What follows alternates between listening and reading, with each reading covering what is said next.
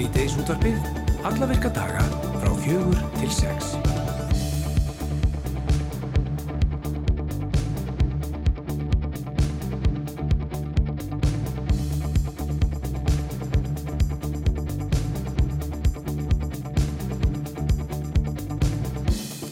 Og það eru Guðrúndís Emilsdóttir og Hrafnildur Haldarsdóttir sem að stýra þætti dagsins. Já og við ætlum að taka eitt og annað fyrir. Fyrir helgi varði Sigrún Lóa Kristjánsdóttir, meistaraverkarni setið Lækandelt Háskóla Íslands.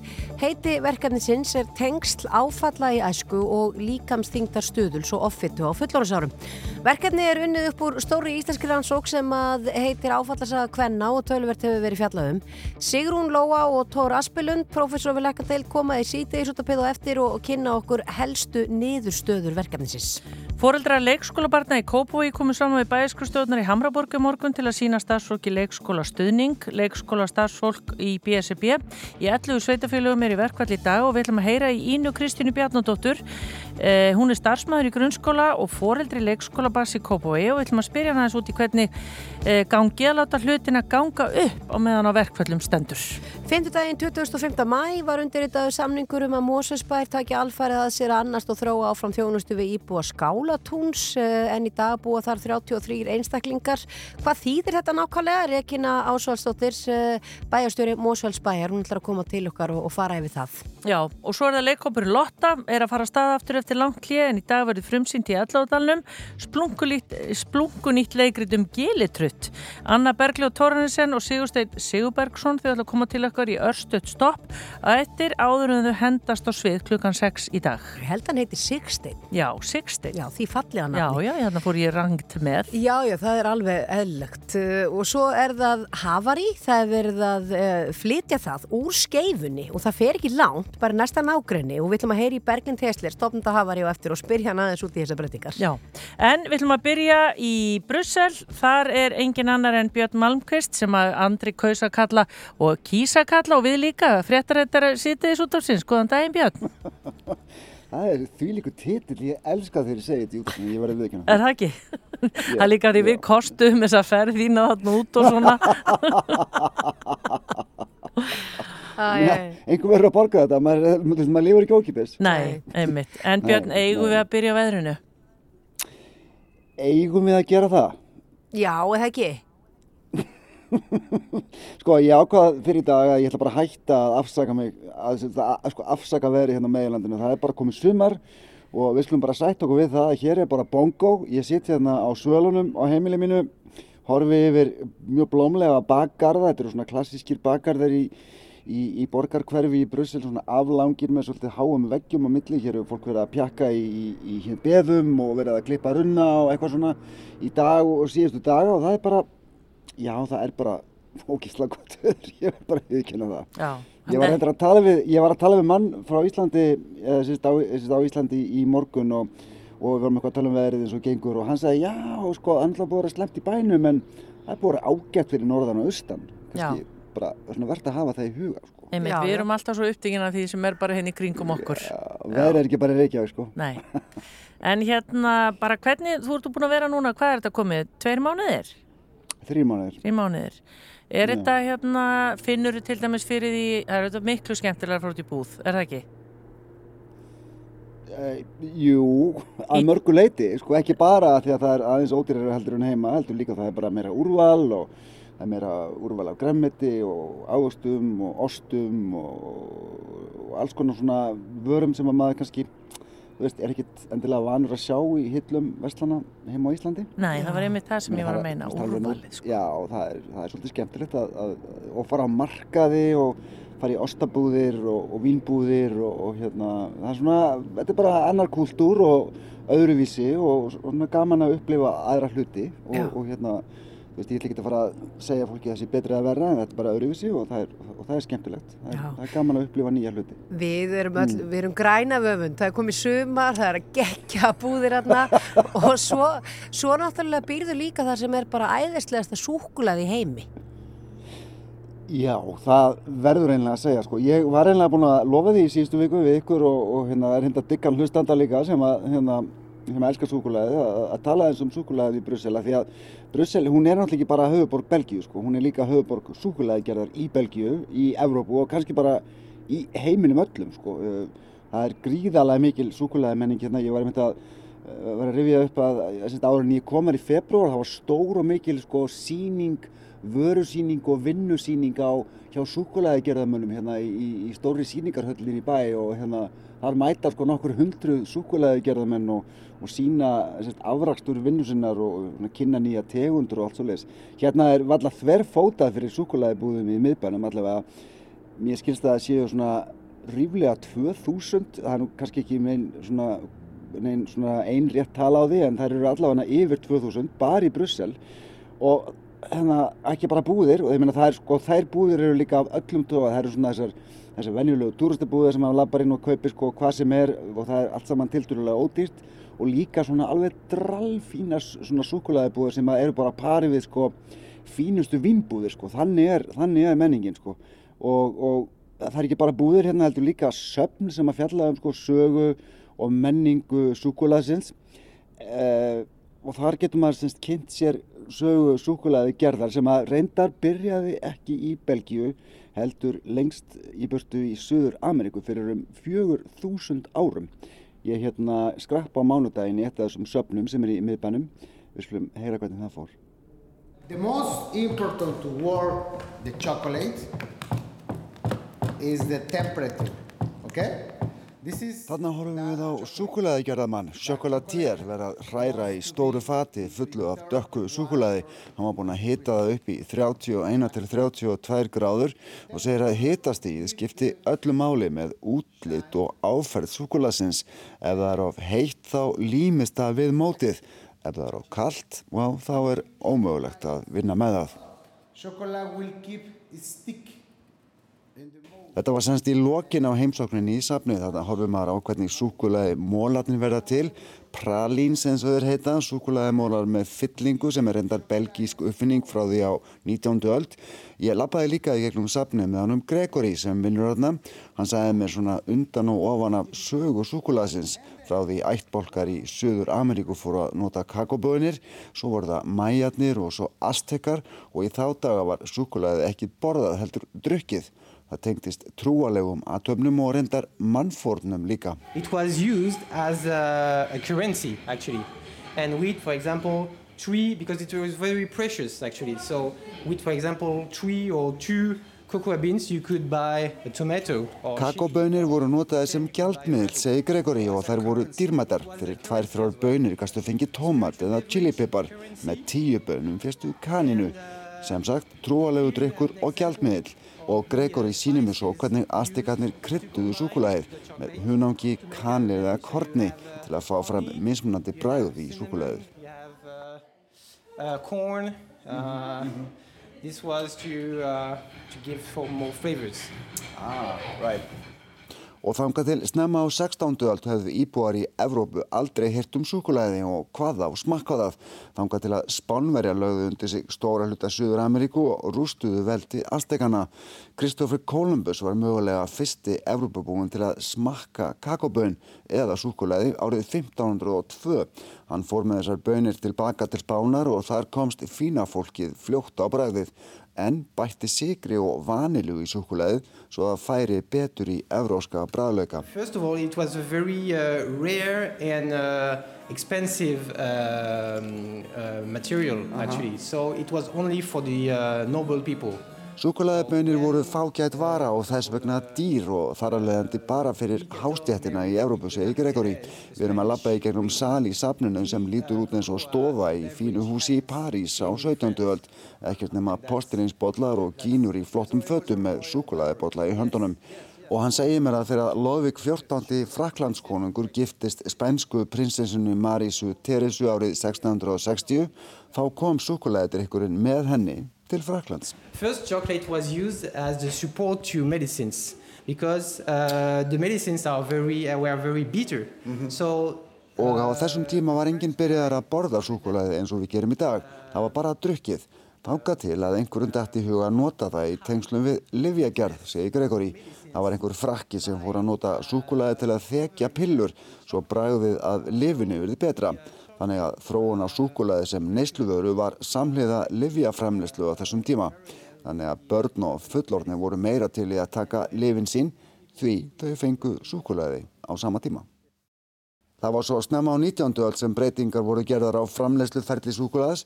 Það varð ódýrara og fólk byrjaði að borða eins og við gerum í dag með alls konar bræði og alls konar fyllingu sem einmitt það sem súkulaði gerðamæðurinn var að sína okkur.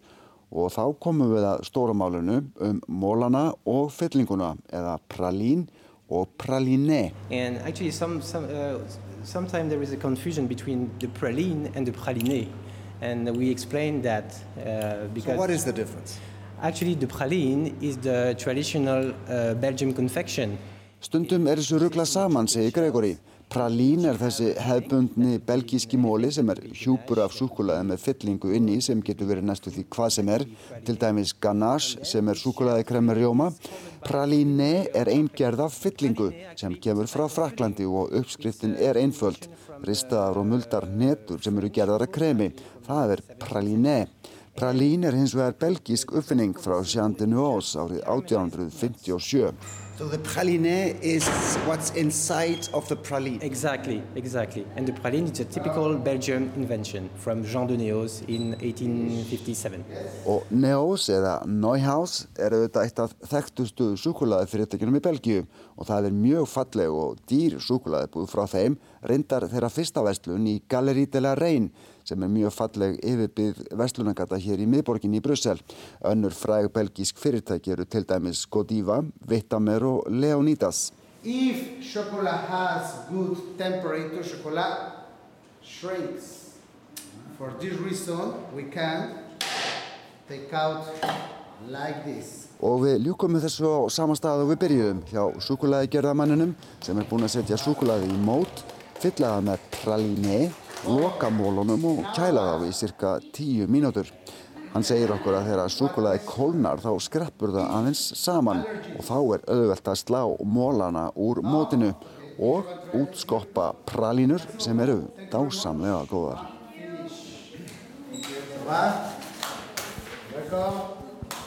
Maður það bara vatn í munnin. Takk fyrir þetta Björn. Þú hefur vonandi ekki borðað allt og mikið súkulaði í þessari heimsók.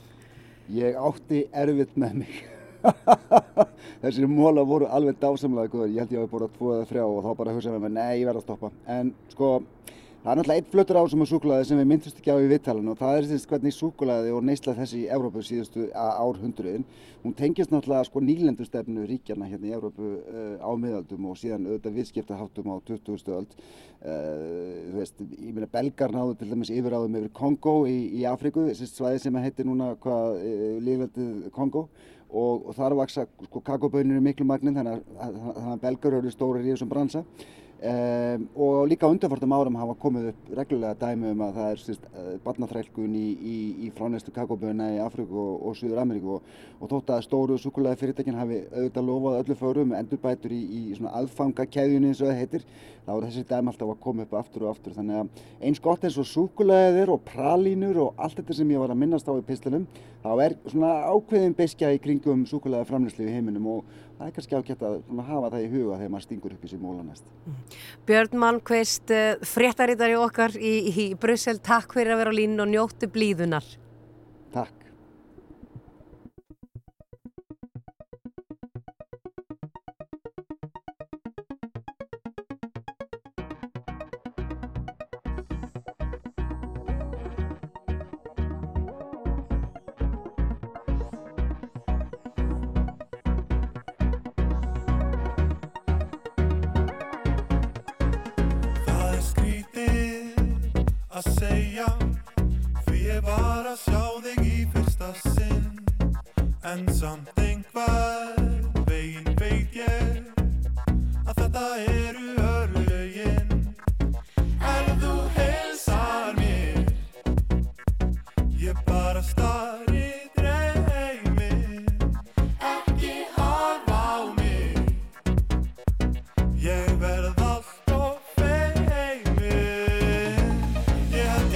hafi aldrei fundið þessa tilfinningu fyrir en núna. Ég veit þú varst að hitta mig og ég var líka að hitta þig. Og hvað með það? Ég segi hæ. Og tíminn stendur í stað. Er búinn að gleima hvernig samræður virka. Þú segir hæ aftur og ég ætla þó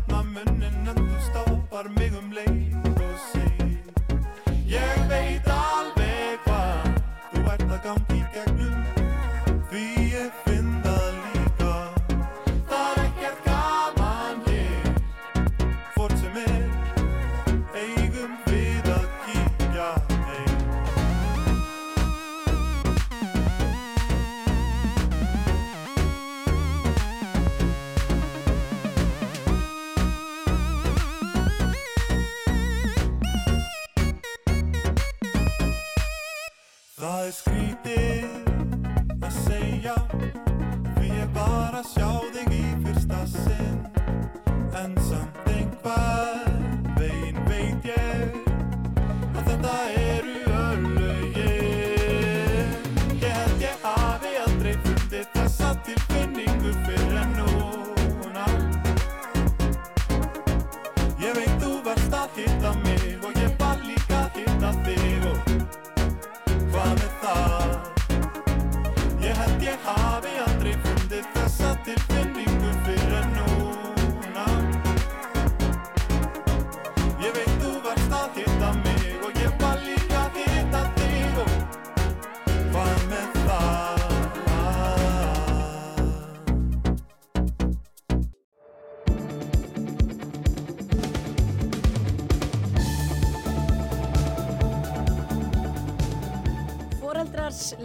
leikskólabarna í Kópavogi komu saman við bæjaskristofunar í Hamraborg í morgun til þess að sína starfsfólki leikskóla stuðning.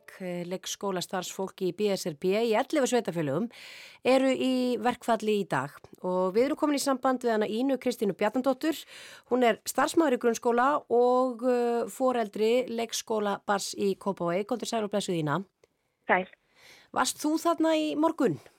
Herði, nei, ég gæti ekki mætt. Ég þurfti að fara og gefa börnum í skólanum að borða, hérna í Kópaví, þar sem ég er að vinna. Já, en hvernig er þetta annars að uh, slá þig uh, þar sem að þú átt uh, þryggjára batna á, á leikskóla? Hvernig gengur að pústla öllu saman? Uh, við látum þetta ganga upp, en þetta er vesen. Eins og núna til dæmis í, í þennan dag þá gæti hún mætt í leikskólan 8.25 og verið til hálf 12. Þá þurfti ég að fara að sækja hana og fara með hana heim til pappa sinns. Hann þurfti að taka leiði úr vinnunni og ég mæti þá þar úr leiðandi og sengt í vinnu. Ég er að byrja hálf 12 en ég er þá ekki komin fyrir uh, rétt fyrir 12 og það er náttúrulega verða að tekja með sér hjá foreldrum sem eru í svona vesinu að þurfa náttúrulega að fara úr vinnu eða geta ekki mætti vinnu eða þurfa að taka frí að launalest leifi af því að það er ekki með kannski bakland til þess að geta stokkið inn í sko. og það e, já, þannig að þetta er, við höfum svona inn á milli náða að láta þetta ganga en svo hefur þetta gengið betur þegar ég var í verkfalli líka en senastu dagurinn okkur í skólum var verkfallsdagur var 24. mæ þannig að ég er ekki búin að vera í verkfalli síðan þannig að við höfum þetta já, eða svolítið bensíni fram og tilbaka og sækja barnið að keira það að fara að sækja kallinu vinnu og gera þau heim og svolítið sko. Já, þetta er- það er svolítið talað um sko að það er svona, já, verðist einhvern veginn fólk sé ekki alveg búið að kveikja á þessu verkvalli og svona uh, engar um, uh, engar svona formlegar viðræður farnar í gang, ertu sammála því að þetta sé svona einhvern veginn daldi skrítið svona hvernig þetta er einhvern veginn skollið á en fólk er ekki alveg meðvitað um hvað er í gangi? Já, svona sérstaklega af því að sko uh, það var alveg langur tími, það leið alveg góður tími þanga til að uh, fjölmiðlar, svona allra stærstu fjölmiðlar fóru að tala um þetta því að það heyrðist ekkert í fjölmiðlum eða umfjallin um þetta en eitt í góðum tíma sko, þanga til að svo fjölmiðlar fóru að byrja að tala um þetta og þá kannski svona fer fólk að átta sem eru á þessu og þá kannski kemur bara svona sjokkið að fólk er að fara að missa tekjur eða alls konar svoleiðis. Ína, en hvernig sérðu framhaldi fyrir þér? Þannig að þið þurfum bara að halda áfram að púsla, veistu eitthvað hvað þetta verður langu tími? Ég meina, hvernig, hvernig horfið þið bara fram á uh, næstu vikur? Uh, ef ég á að vera reynskilinn þá er ég ekki droslega bjart sín á að stjórn íslenska sveitafélag er að bara uh, vilja ná samningum í höfn.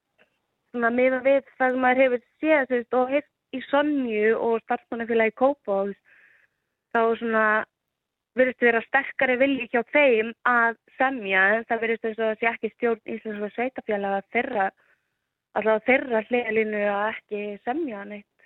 Þannig að ég er ekki droslega bjart sín að þetta sé að fara að klárast bara á næstu 20 myndum eða svo sko. Nei. Og þanga til bara mikið púsluspill hjá ykkur að minnstu kosti fjölskyldinu og öðru, hjá öðrum sem eru í sömu spórum. Já, Ína, Kristín, bara-.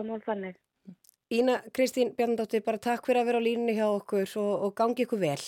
Já, takk ég alveg, semlega. Takk fyrir. Takk.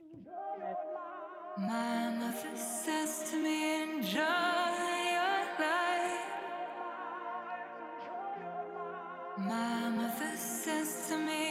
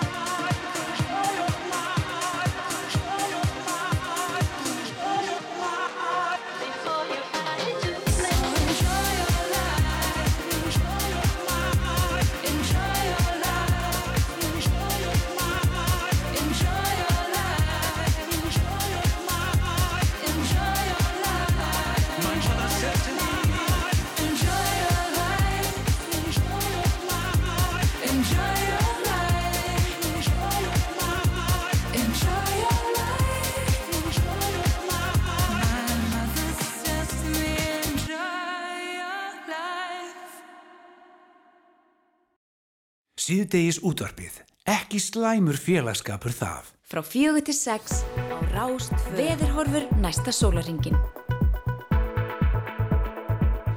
Þá ætlum við bara aðeins að líta til veðurs. Uh, Törum við náttúrulega veðan Björn í Brussel rétt áðan. Þar er blíða og það er líka blíða uh, fyrir norðan og austan á landinu. Ef við kíkjum bara á staðaspána klukkan átján í dag þá er 16 steg að hitti á Akureyri og sól, 15 steg á Egilstöðum og sól, 12 steg í Bólingavík og sól og 18 steg að hitti á Kirkjubæðaklaustri og uh, sól. 9 steg hins vegar hér í Reykjavík og skíjað. Ef við horfum bara á horfinna næsta sólaringin, vestan og suðvestan 5 til 13 metrar á sekundu en heldur hvassara siðst á uh, landinu. Og vestfjörðum fram til kvöldi og það er létt skíðaður landið austanvert þegar annars er bara skíða með köplum og allvíða líkur á súlt og það er skíða á morgun og súlt eða lítið að rigning en bjart með köplum og lengst af þurft á austur helmingi landsins og hiti 8 til 20 stík hlýjast á suðaustur og austurlandi og eh, ef að ég renni bara eins og á föstu daginn þá er þetta svona kannski orðið aðeins uh, þung búnara á landinu. Það er svona allavega skíjað getur verið einhver smá sól fyrir norðan lögadagurinn líka svona svolítið en hitatöluðnar alveg bara æðislegars allavega á norður og austurlandi. Uh, við erum að tala um 8-9 gráður hér á suðvestur helmingum en ég menna er það ekki bara ágætt? Svona í, byrjun uh, júni ég myndi allavega halda það. Þannig að þetta er ekki alls slæmt, þetta er eiginlega bara mjög gott uh, sumstaðar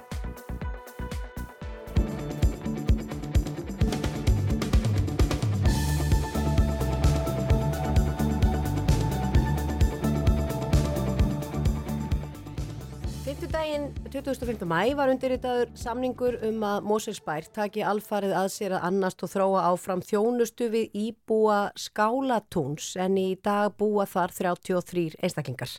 Og hún er komin ykkar til okkar bæjastjóri Moselsbær, Regina Ásalsdóttir, kontur sælubæsvið. Sæl.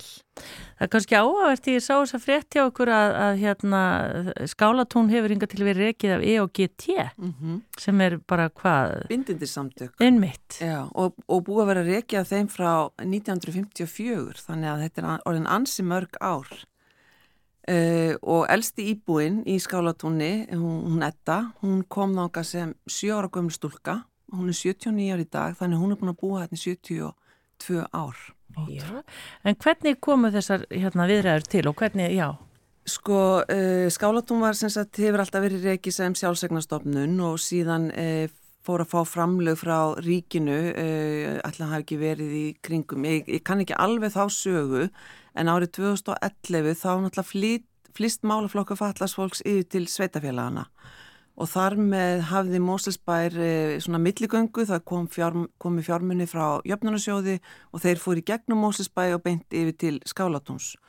Nú, reksturinn hefur auðvitað verið erfur þar eins og allstaðar í þessum málaflokki og það hafa verið gerðar ekstra rútæktir og svona ími samtöl sem hafa átt sér stað í gegnum tíðina.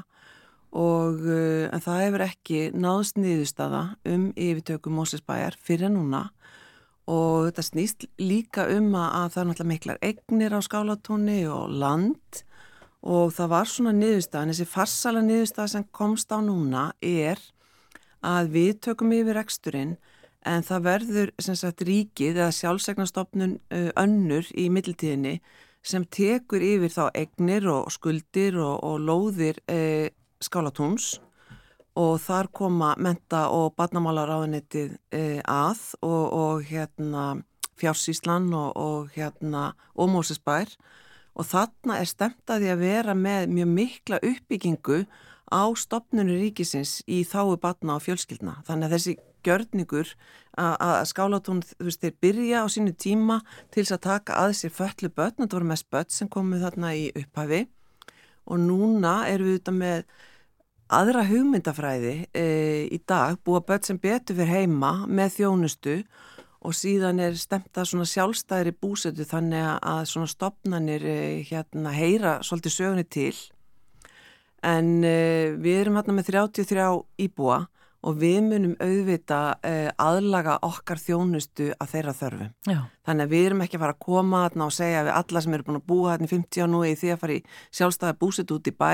Það eru auðvitað þarna ungt fólk sem er hugsalega tilbúin til þess en við verðum einhvern veginn að bara kynast hverjum að einum af þessum 33 og, og hérna einstaklingum og, og aðlaga okkar þjónustu og, og það er alveg inn í samningum að e, þetta er stort land. Ég var að mynda að hugsa það svona já, bara innviðinir hana. Já, 6 hektarar og, og einhverja 12 byggingar og, og þar, sagt, það er nægt landrými til þess að byrja að skipilegja og þarna sjáum við fyrir okkur að stopnarnir að borði ráðgjá greiningastöð og mentamálastofnun og batna og fjölskyldustof og allar þessar stopnarnir þá er batna verði á einu stað og, og hérna svona svo kallu Batnadegla hefur þetta verið kallað. Já, og svo hefur náttúrulega Snorri verið þarna með ungbarnasundi og svo margir sem þekkja það. Mjög margir sem að, það var einn, eh, fyrsta spurningin hjá einhverjum sem, að, sem ég fekk, hvað verður um sundlauna? Já, einmitt.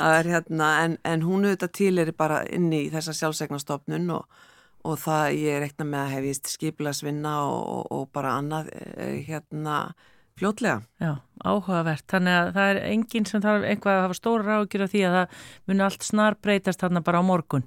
Sko ég átti uh, hérna sama dag og við gerðum hennar samning. Þetta er náttúrulega mjög viðkvæmt hvernig maður fer í svona uh, vinnu vegna það þurfti náttúrulega alltaf að, að ganga saman stjósíslulega séð og fjármála, fjármálarlega líka og við náttúrulega hefum það eru sérstaklega samningar hérna til dæmis við jöfnunarsjóð um framlega þeirra inn í verkefnið og, og hérna, en ég átti hérna sem sagt fund bæði með starfsmönnum, þeir tókuði bara vel, þetta eru 106 starfsmenn wow. og svona ef maður setur þetta í stærðarskalan er þetta svona eins og Reykjavík væri að taka mútið 330 uh, föllum einstaklingum og 1000 starfsmönnum bara á einu bretti. Já, þetta er, þetta er umfórsmikið. Þetta er ansi umfórsmikið og síðan hittu við hérna, bóðu við alla íbúana og þeirra aðstandendur, það er mikið sískinni sem eru uh, hérna aðstandendur, fólk sem býr á skálatóni að því meðalaldurinn er frekar hár. Og auðvitað voru gríðarlega margar spurningar, þú veist, hvað verður um, um, um hérna sýsti mína, hvað, hvernig verður þjónustan, hvað ef að það er ekki verið að taka einn fleiri skálatóni, það var svo sem, það var, það var hætt, ég var ekki til, sem sagt, voru hættir að taka einn fleiri íbúa þannig að það hefur ekki verið tekin inn einstaklingur í skálatón frá 2001 og við munum ekki taka inn nýja íbúa e, á skálatón. Nei. Þannig að þið munum samt halda að vera halda áfram að þjónusta þess sem að fyrir eru og, og, og svo verða bara önnur. Já, Já. þannig að við semst, skuldmyndum okkur líka til þess að bjóða eh, hérna, önnur úrraði fyrir þá sem þess óska. Þannig að við þurfum líka að fara stað með svolítið öfluga uppbyggingar á allun í þá fallasfólks í Mósesbæ. Þannig að það eru spennandi tímar framöndan. En eftir að þið svöruðu þessum spurningum til uh, þeirra aðstatenda, uh, er þá svona bara almenn ánægja með þetta?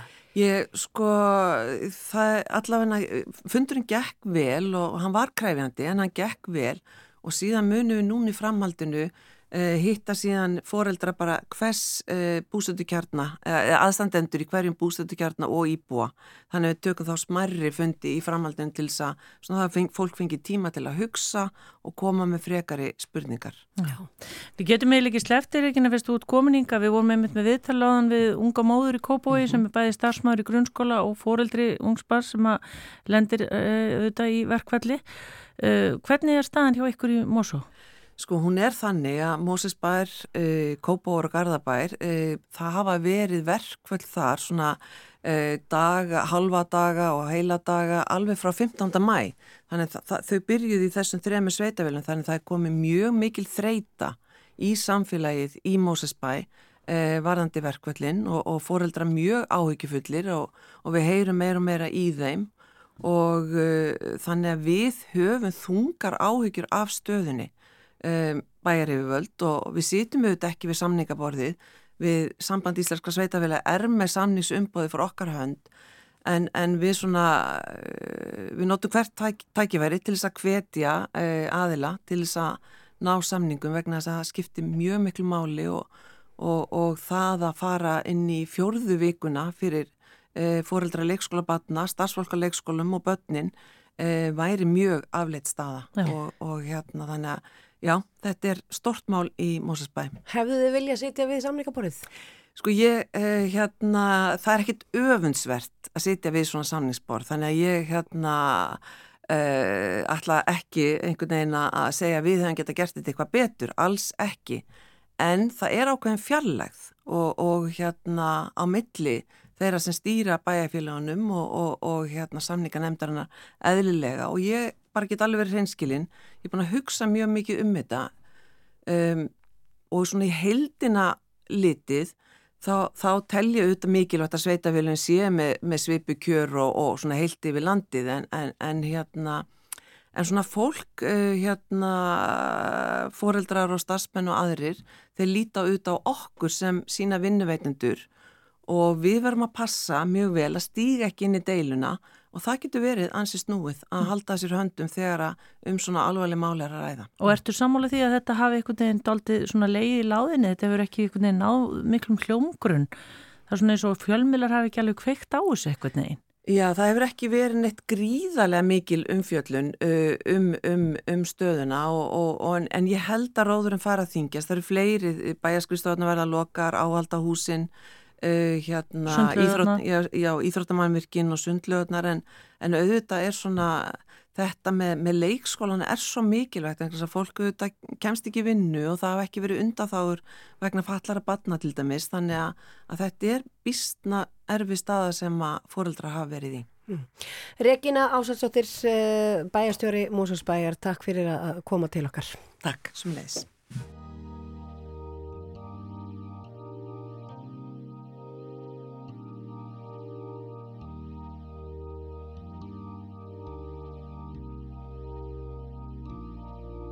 you try your best but you don't succeed. When you get what you want but not what you need. When you feel so tired but you can't sleep. Stuck in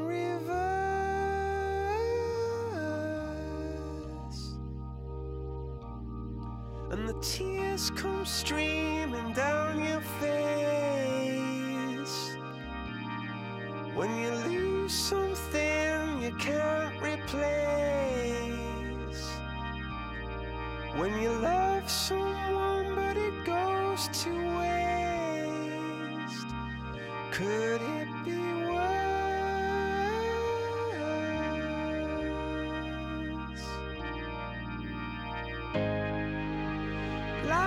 sweet.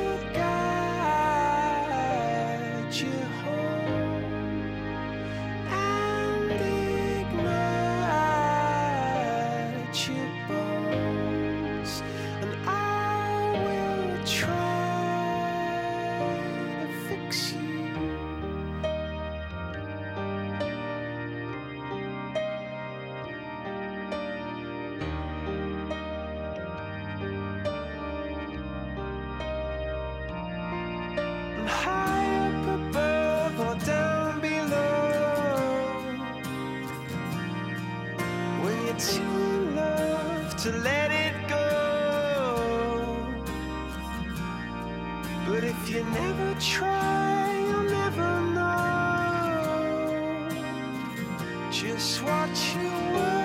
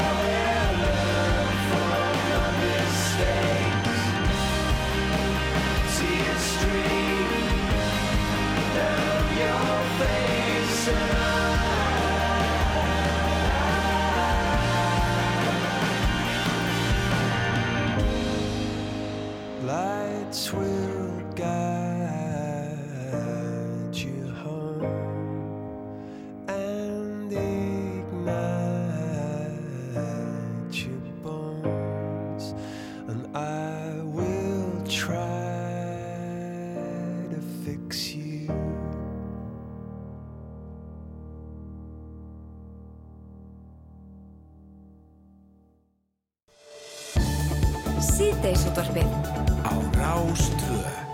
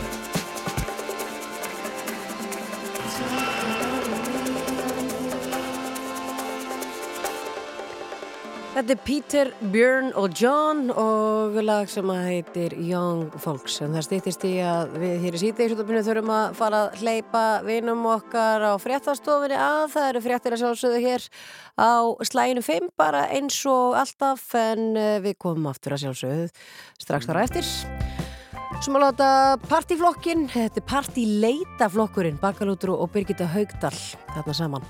Það var að leita partí held ég í Garðabæ.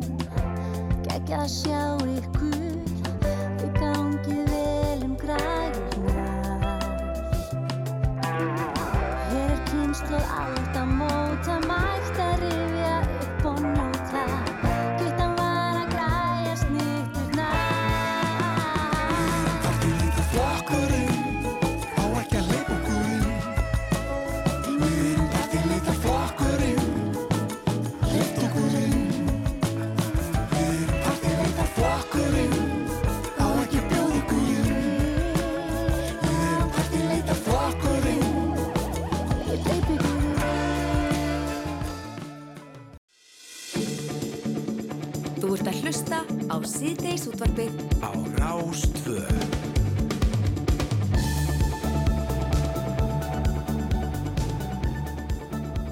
Og við höldum áfram hérna í sítiðis útvarpinu og ætlum að fjalla næst um þetta. Fyrir helgi þá varði Sigrún Lóa Kristjánsdóttir meistaraverkefni sitt við Læknadelta Háskóla Íslands.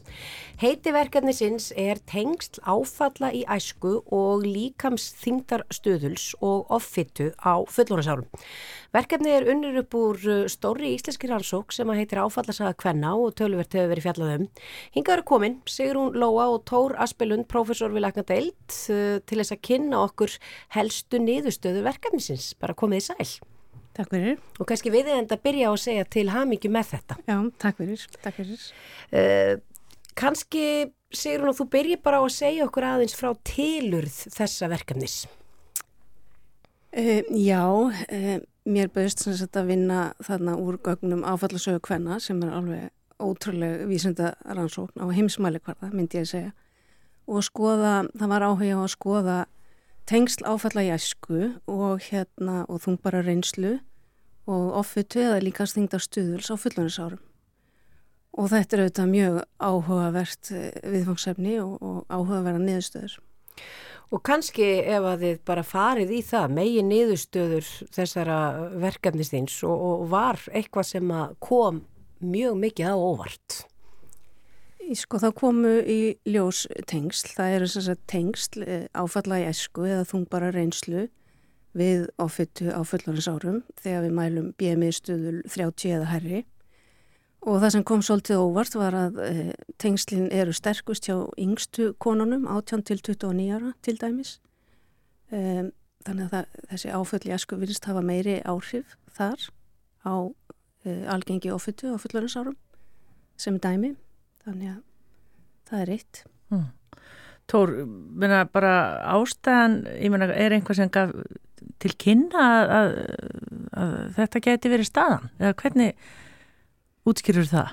Já, einmitt, það eru rannsóknir líka annar staðar sem að sé þessi tengst við þessi áföll, þessi þungbæri áföll í æsku við ímiskonar efnaskipta sjúkdóma og við getum þá tekið til dæmis sikursíkja tegund 2 og eins og við vorum að skoða hér í þessu verkefni aukin líkams, aukna líkamsþyngd og það eru fleiri dæmi. Og þannig að það var einhvern veginn alveg borleikjandi auðvitað í þessari stóru rannsókn að, að skoða þetta. Og svo erum við líka að skoða til hliðar tengslið við sikursíkina og það mun þá bara vera byrt e, síðar. En, en að þessu verkefni þá einmitt kemur í ljós eins og Sigrun var að segja hvað þetta eru sko sterk tengsl og alveg bara, þú séð næstu bara svona fyrir þér með auknum fjöld áfalla þá ekst sko hlutfallið sem er yfir þyngd og með háan líkafsþyngdastuðul þó að þetta sé ekkit afgerandi maður er að muna það, skiljuru það er ekki eins og að séu allir þá í yfir þyngd eða Nei. áfþyngd þetta er bara, þetta er þessi tengst og þessi tilneying til að vera verstattur að, til, að, að þessu leiti sko En þessar tölur, eins og 30% hverna sem hefur lendi áfalli með esku, fjórum, þú veist, að bara yfir höfu, 30% hverna hafi lendi áfalli með esku fjórum eða fleirum. Þetta hljóta að vera bara sláandi niðurstöður. E, Já, við skoðum þarna 13 tegundir áfalla, þau eru misjöfn og, og fjölbreytt en, en engu síður þungbara einsla fyrir börn, ímiskonar. Þannig já, þetta er, þarna erum við að mæla uh, börn sem hafa upplifað fjögur eða fleiri áföll og það eru 28% sem mælast þar. Hvernig Og- áföll? Eh, Sko þau eru, við erum að skoða ímiskonar, það er líkamlegt ofbeldi, andlegt ofbeldi, kynferslegt ofbeldi, ímiskonar vannræksla, þarna inni er líka til dæmis uh, aðskilnaður foreldra eða andlát foreldris, þarna er til dæmis ef að heimilis meðlimur hefur verið í fangelsi, það er metið sem eitt áfall, þannig það er ímislegt þarna undir, samtals uh, 13 tegundir sem við skoðum og þetta er allt samkvæmt uh, alþjóðlegum skala eða spurningalista sem að alþjóða helbriðismálastofnunin hefur mótað og staðfært. Mm. Getur við þá sagt að, uh, já, að eftir því sem fleiri áföllum sem við lendum í æskum að það er eiginlega bara að hafi neikvæð áhrif á lífsskilirði eða lífsgæði okkar þá þegar við verðum fullorinn í viðum skilningi? Já, það er því miður stærendin og, og mörgum sviðum og maður, þetta er svona þáttur sem að ítir undir kannski sko einhverja leið sem þú kannski vildir ekki fara þú veist, þú bara ert hefur þú minka ímis tækifæri fyrir þig í lífuna því að þetta hefur svona áhrif á þig að, eins og að sækja þér kannski aukna mentun eða tekjur um, náður í maka ef það er eitthvað sem er eftirsoknavert uh, þannig að Hefur áhrif á hegðun hefur áhrif á hegðun og, og, og þessa heilsu almennt. Já. þannig að þess vegna er þetta frekar ekkert frekar, þetta er bara mjög alvarlegt málið að hugsa út í það.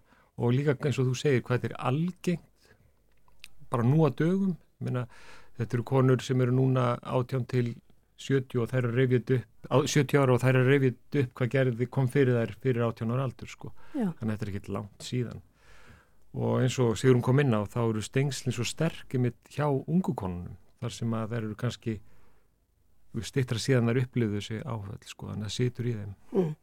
En hvernig geta svona reyðustöður, já bara nýst okkur, sjáu það einhver tækifæri, hvernig við getum, já bara, já bætt okkur þarna?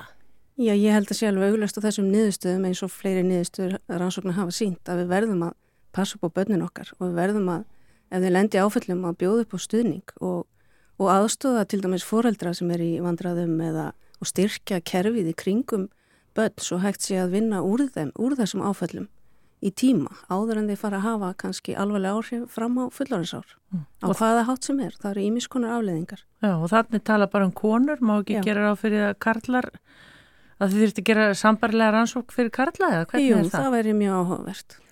Ég meina þetta er svo bara mikil áminning að það er sum þessar áfallar hægt að koma í veg fyrir eins og áfbeldis áföll, Já. kynferðislegt áfbeldi þannig að það er heilmikið hægt að gera sem er sko sumt auðvitað getur ekki ekki ráði við öll áföll í lífinu en það, er, það eru sum áfallarna sem er algjörlega hægt að og ætti að koma í veg fyrir eins og að það er algjör, þú veist það áengin ekkert barna þurfa að verða fyrir ofbeldi Eða einelti. eða eineldi Það er eitt áfallið sem mælist hátt Já, í þessum tengsl. og sterk tengsl Mhm. þannig að það er svo mikilvægt að einmitt að skólarnir séum þetta að vinna í þessu og maður sér sko Nú liggur þetta fyrir, uh, það er komið nýðustada í þetta verkefni uh, vegna þessara rannsóknar. Hver uh, væru drauma næstu skref? Já, drauma næstu skref, eins og segi, kannski að, að styrkja umhverfið í kringum þessi börn og halda áfram að, að skoða þetta og vinna með þetta og, og minna á og rýna betur niðurstöður. Það er fullt af upplýsingum í þessari reitgerð sem að vekur fleiri spurningar og, og vekur aðtikli sem þarf bara að rýna og vinna með og vonandi geta til dæmis heilbyrðis yfirvöld skoða þetta eða þeir sem sinna börnum og auðvitað líka kannski þeir sem er að sinna uh, konum í yfirvikt sem þurfa einhverja þjónustu að, að þá er möguleiki að þarna sé eitthvað áfall eða slíkt sem þarf að vinna úr. Það er möguleiki, alls ekki algilt en, en kannski er það eitthvað líka sem þarf að huga. Mm. Tór, hvenær má búast við niðurstöðum varandi sikursíkina? Já, það er núna bara vonandi með höstinu og svo er svo spennandi með þessa stóru rannsók sem að byrjaði 2018 og hún er fimm ára Hún er Og- fimm ára. Hún er fimm ára og það er búið að vinna heilmikið úr henni og nóg eftir og síðan kemur að því núna að það verður inn endur innköllun og þeir, þær konur sem að þáðu þáttöku í síðustu innköllun að þær fá tækifæri til að segja aftur hvernig þeim líður og hvernig þeim hefur vegnað. Þannig að nú er hægt að sjá fimm árum síðar, já, kannski fóru hlutir á betri veg eða fóru hlutir á verri veg og það verður líka mjög spennandi að vinna úr því þannig að það er nóg framöndan. Svo sannlega, við munum fylgjast áfram með því, þetta er mjög spennandi. Sigrún Lóa Kristjánsdóttir uh, og Tór Aspelund, professor, takk kærlega fyrir komuna í síðdeistumið. Takk sem leiðis. Fyrst og fremst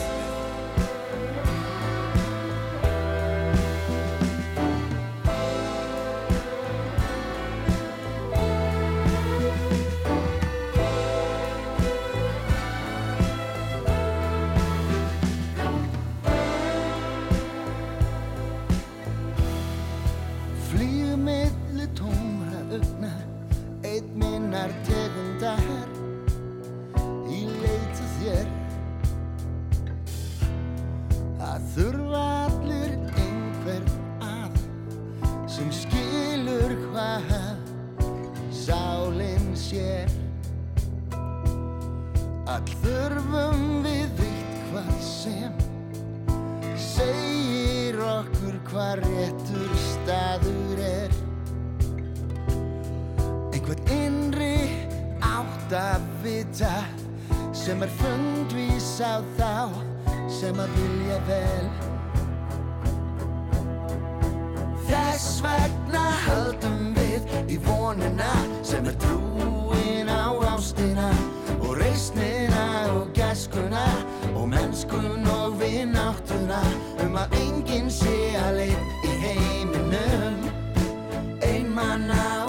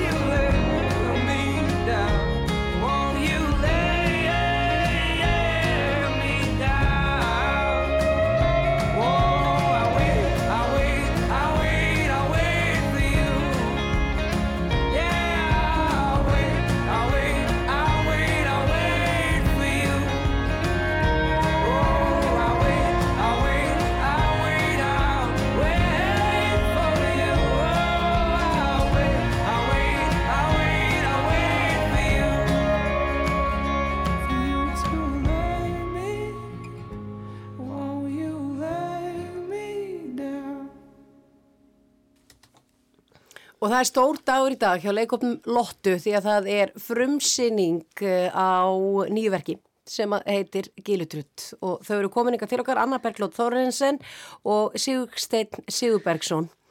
Komið sæl. Hæ, hæ, hæ. Bara, já, þetta er stór dagur, alltaf frumsýningadagur. Ég menn einast ef við erum bara að pissa á okkur og spenningi held ég. Og líka langt síðan síðast. Já, já. hvað er langt síðan síðast? Við frumsýndum bakkabræður sömari 2020 þannig að þetta er svona detta í þrjú ár og bakkabræður náttúrulega lendu í svolítum erfileikum eins og, eins og flestir á Mhm. þessum tíma. Við náttúrulega þurftum mikið að hérna hlýða við því og, og við erum alls konar sótvarnareglur í gangi og splitta fjölskyldum svoleiðis upp á sýningunum okkar og, og við erum með fjöldatakmarkanir sem að, við höfum aldrei þurft að hafa áður. Sínandi bara á, í opnu rými úti í náttúrunni, það var einhvern veginn alltaf pláss fyrir alla, en ekki COVID En nú er þetta búið. Nú er þetta búið. Svo er þetta líka verið dálítið haft áhrif á það náttúrulega því að þið ferðist dálítið ringin líka á Já. sömrin og eru það elda svona þar sem eru kannski skemmtanir eða eitthvað svona, einhverja hátíðir og það var ekkert svoleiðis í bóði. Nei, nei, þetta er náttúrulega bara búið að vera stórundalegt og við einhvern veginn ekki að gera neitt annað heldur en að cancela og cancela og cancela og En, en í millitíðinni, Já. þá var bara farið í svaka aðgerðir í alliðadalunum. Heyrðu, heldur ekki bara að við höfum verið svo heppin að orkuveitan átti afmæli á sama tíma og COVID var. og þau tóku sér að stella á talin gegn og við erum svo heppin að núna erum við bara að fara frumsýna á glænýju sviði. Fengur svo bara síntalið frá þeim. Hérna þið eru hérna búin að vera hjá okkur í öll þessi ár og við viljum vera mem Áfram. áfram. Já. Þannig að Og þegar þú segir svið, Anna, að Já. þá er þetta sko svona náttúrulegt allt. Já, við erum náttúrulega bara að tala um grasið sko, en þá og, og trén í hérna, skóurinn allur eh, umlikur okkur, en núna er það sérst þannig að það er búið að grafa fyrir rafmagni, þannig að við getum stungið okkur í samband á staðnum og svo hefur verið sérst að svona brekkur gerðar í landslægi þannig að það eru komnir áhörunda bekkir í rauninni bara á sýningastæðin okkar Mm.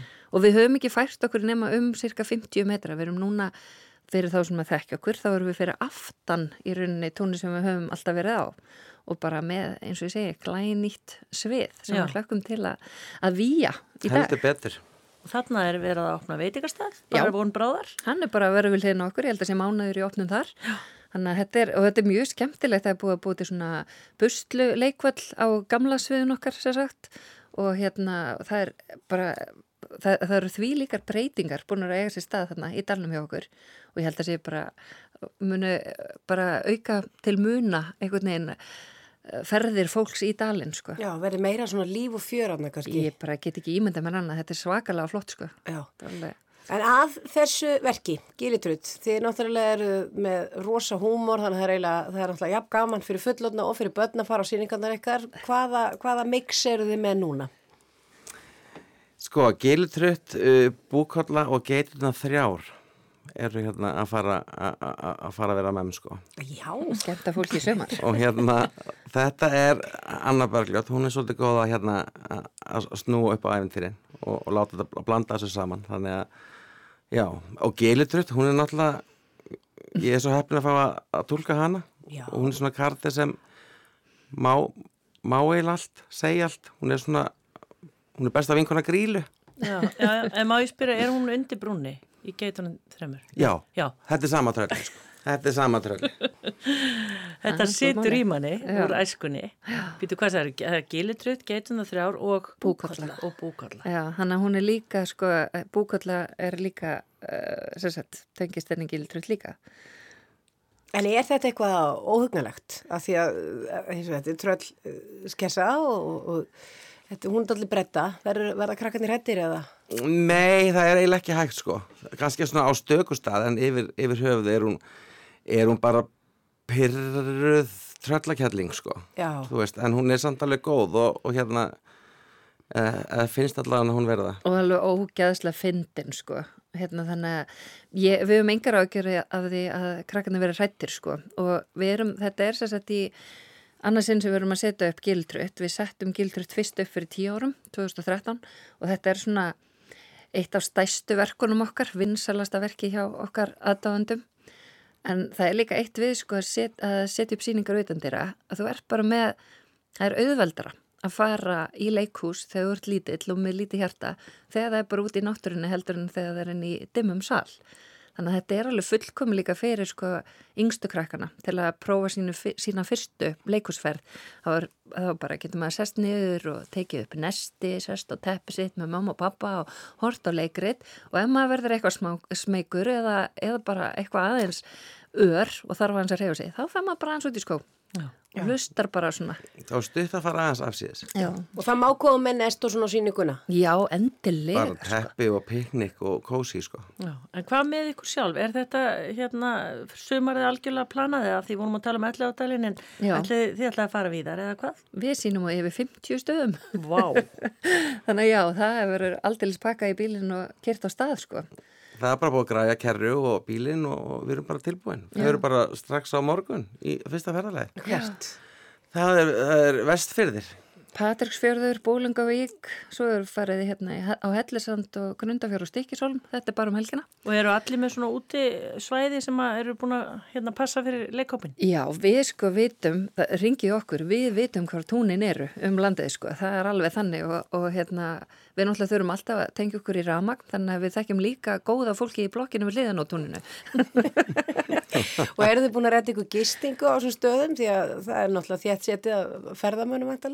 við, hérna, þetta er allt komið í, í stóra Excel-skjalið. Þau eru, bara- flest bæjarfélagin eru bara með okkur liði og, og hjálpa okkur að, að láta þetta ganga upp. Mm. Og það er bara, já, þetta er, það er svo gaman að farast á landið og hitta þessa staði sem eru hérna, og svo langt síðan síðast, að, að koma á eins og djúpavog og, og þessa litlu staði sem býða svo spennt eftir að við komum og við finnum svo mikið fyrir því að það er æði, sko. Það- Við ætlum ekki að halda ykkur lengur, það er frumsýring á Gilli Trutt í Elliðadalunum bara á eftir klukkan 6. Anna Berglót Torrensen og Sigstein Sigurbæksson, takk fyrir komuna í síteirstupið og gangi ykkur vel á eftir og góða skemmtum. Takk elskan og vonandi komast allir Íslandingar í sumar. Hverja gilutröð. Takk fyrir. Rétt að lokum, hver kaupir fólk miða? Það má kaupa með á tix.is en það er líka alltaf selt bara á staðnum og eins og ég segi, við erum úti þannig að það er alltaf nóg pláss. Takk fyrir.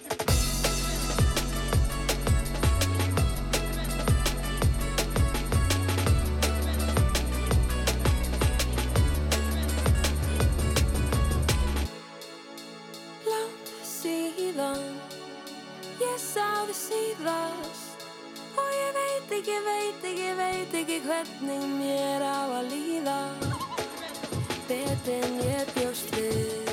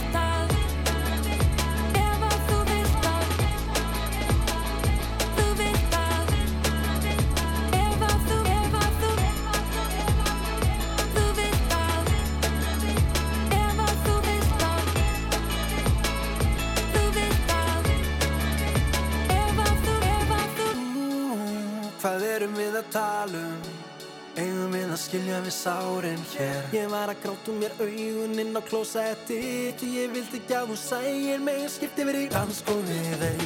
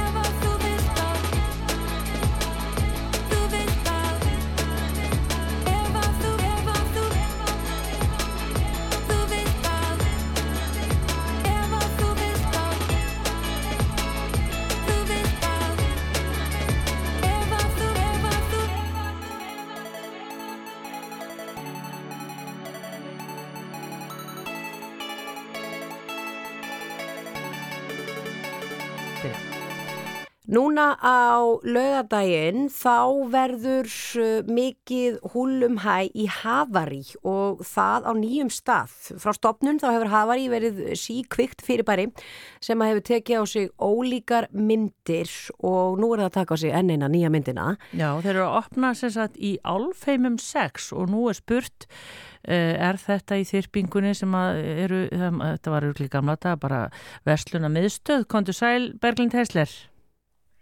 Heilar og sælar. Já, þetta og mér skil sko að þetta sé elsta versluna miðstöð, uh, svona verslunar kernir landsins, þannig að þetta er sögulega staður sko. Já. Og hefur lifað góðu lífi, það er alltaf nóg um að vera þarna. Hér er bara ólgandi líf, mannlíf og þetta er alveg virkilega gaman einhvern veginn að vera hér og sérstaklega þegar sólinn skýn, þetta er svo fínt port hérna fyrir framann, þó að sé kannski óþálega margir bílar en það er sett tíma mál. En þetta er bara dásanlegt sko, gaman að vera, vera allt í hennu í, já, við vorum lengi í hérna skeifinu upp annari hæðan, þetta er svona svolítið munir. Já, Gaman. en fyrir okkur sem vitum ekki almennilega, áttum okkur ekki almennilega á hvað þetta er, vil ég reyna að útskýra það aðeins? Já, þetta Já, er á hotni langkólsvegar, er það ekki, og einhverja heima, álfheima, er það ekki? Jú, þetta er bara, þið veitir, í álfheima ísbúðin sem nú er haupa. Já, þetta er þar. Þú veist Já, þetta, hún er hérna utan bæ, hún er utan hún landi, hún Gunnar Dísin. Já, við, við fyrirgefum henni það. það er bara gott. Hvað, hvernig ætlið að hafa starfsemina þarna? Já, það er bara eins og er, sko, hafari er alltaf, sko, það er alltaf bara þeima, það er bara frekar opið blað, sko, og þú veist, við erum alltaf byrjuðum hann í Austustræti 2009 og síðan eh, vorum við í Beruferði með tónleikasta og kaffihús og, og hostel og matvælaframlýslu. Síðan, e, svona, í, e, eftir að hérna, við komum það, þá vorum við, við hjónin, Svava Pétur Eistensson, maðurinn minn heitinn, við, þegar við komum aftur í bæin þá uh, var hafari svolítið mikið um hann og hans verk. Uh, og, og þannig ætlum við að byggja þetta, það er grunnurinn, það er svona arflegin hans. En síðan ætlum við líka að opna það minn meira fyrir hérðina sem er þá bara fleiri listamenn, þannig að það verða síningar, svona breytilega síningar og svo verða minni viðburðir og, og húlum hæ sko Mm. og alls konar st- stærri hugmyndir í, í hérna far, farteskinu en við kynum þær bara síðast. Og en, en er þetta, hvaða rými er þetta nákvæmlega? Er þetta stórt og mikið eða er þetta bara lítið og krútlegt? Þetta er lítið ákrútlegt, þetta er á milli ísbúðarinnar og bakarísins, þetta bara gæti ekki verið betra. Já. Við erum umfannin og bætum sannlega okkur einhverjum kaloríum eftir þetta, Já. en það er allt til það. Það er allt í lagi. En þið ætlið að vera með mikla opnunaháttíð á lögadaginn? Já, það verður hér opnunaháttíð milli klukkan fjögur og sex og þá eh, verða hér Benny Hemhem að spila og Jónas Sig. Svo verðum við hérna með DJ-a, Sigurunu, Æsu og Öldu. Þeir eru í nýjöndabekk og eru bara að stíða sem fyrst skref inn í brandan og við ætlum að bjóða þær velkomnar svið. Og svo erum við með bara fjöldan allan á listamennum sem eru hérna, bara hugleikur og framdur, Davíð Örd, Lóa, Sunnabegin, Sara Ríl og fleiri og fleiri og fleiri sem eru að fara að sína verkinn sín. Gekjað. Þannig að þetta verður alveg geggjað. Já, en sjáu þið fyrir, fyrir ykkur Berglind að þetta verði opið, ég meina hvernig er allir að hafa opnum tíman? Já, svo erum við bara með opna verslun hér og ætlum bara að vera hér opinn svona 12 til 6 uh, flesta daga. Mm. Þetta hljóma mjög spennandi. Já, þetta er bara svona myndlist, að, svona aðgengileg myndlist og hérna fyrir alla. Og bara, Og eru, svo, eru myndirnar hans eh, Svavas Pétus, eru einhverja til eða er allt uppselt eða hvernig er það? nei, við erum ennþá bara að hérna, se- selja vegspjöldin hans en málverkin eru ekki, þau eru ekki lengur. Nei, og svo ætlaði ég að kaupa peysu handa sinni mínum í jólagjöf, eru þær komnar aftur? Já, nú getur þú komið bara í álfheima 6 og fengið að peysu, sko. Já. Já, nú ertu búin að kjafta reynda því, Ramlur, ég veit ekki hvernig þú ætlar að gera þetta. Jú, hann vissi hann átt að fá þessa peysu að fekk aðri stað en ég segist e- eftir að gefa honum hérna. Já, Já. hann, Já, hann, já, hann græðir á þessu. Já. Hann græðir á þessu. Herru, klukkan, hvað er þetta á lögadaginn, segiru? Þetta er millir fjögur og sex. Geggjað. Og svo ef maður, hérna, ef maður er, ef það er alveg tróði hjá ykkur, þá fær maður bara að kaupa sér eitthvað í bakaríinu eða ís. Nákvæmlega og svo bara tekur porti lengi við og við treystum náttúrulega bara sumari verið komið og, og svo eru hérna grannar okkar sem heita Farfi sem eru svona í svipum anda og við og þau ætla að hafa opið líka þannig að þetta mun tegja sig og vera bara allserjar stemming sko. Flott er, uh, Berglind Tesler, uh, opnunaháttið hafar í, í álfumsags á lögadaginn klukkan fjögur. Bara gangi ykkur vel með þetta. Takk hennilega, sjáum. Bless, bless.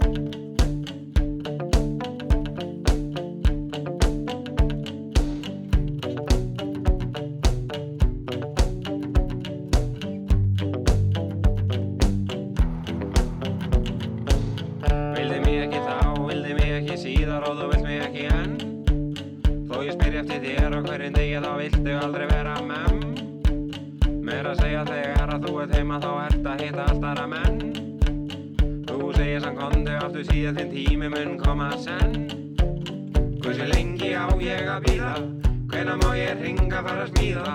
Það er engin veið í þessu vatni hvað er ég að spá? Held ég fari og nái mér í nett og fari niður að á.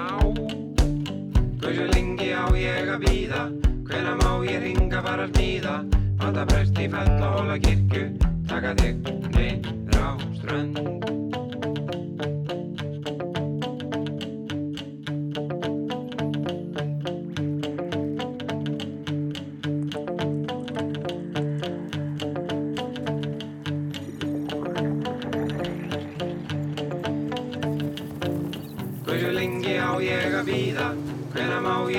fara að smíða Panta prest í fell og hóla kirkju. Taka þig niður á strönd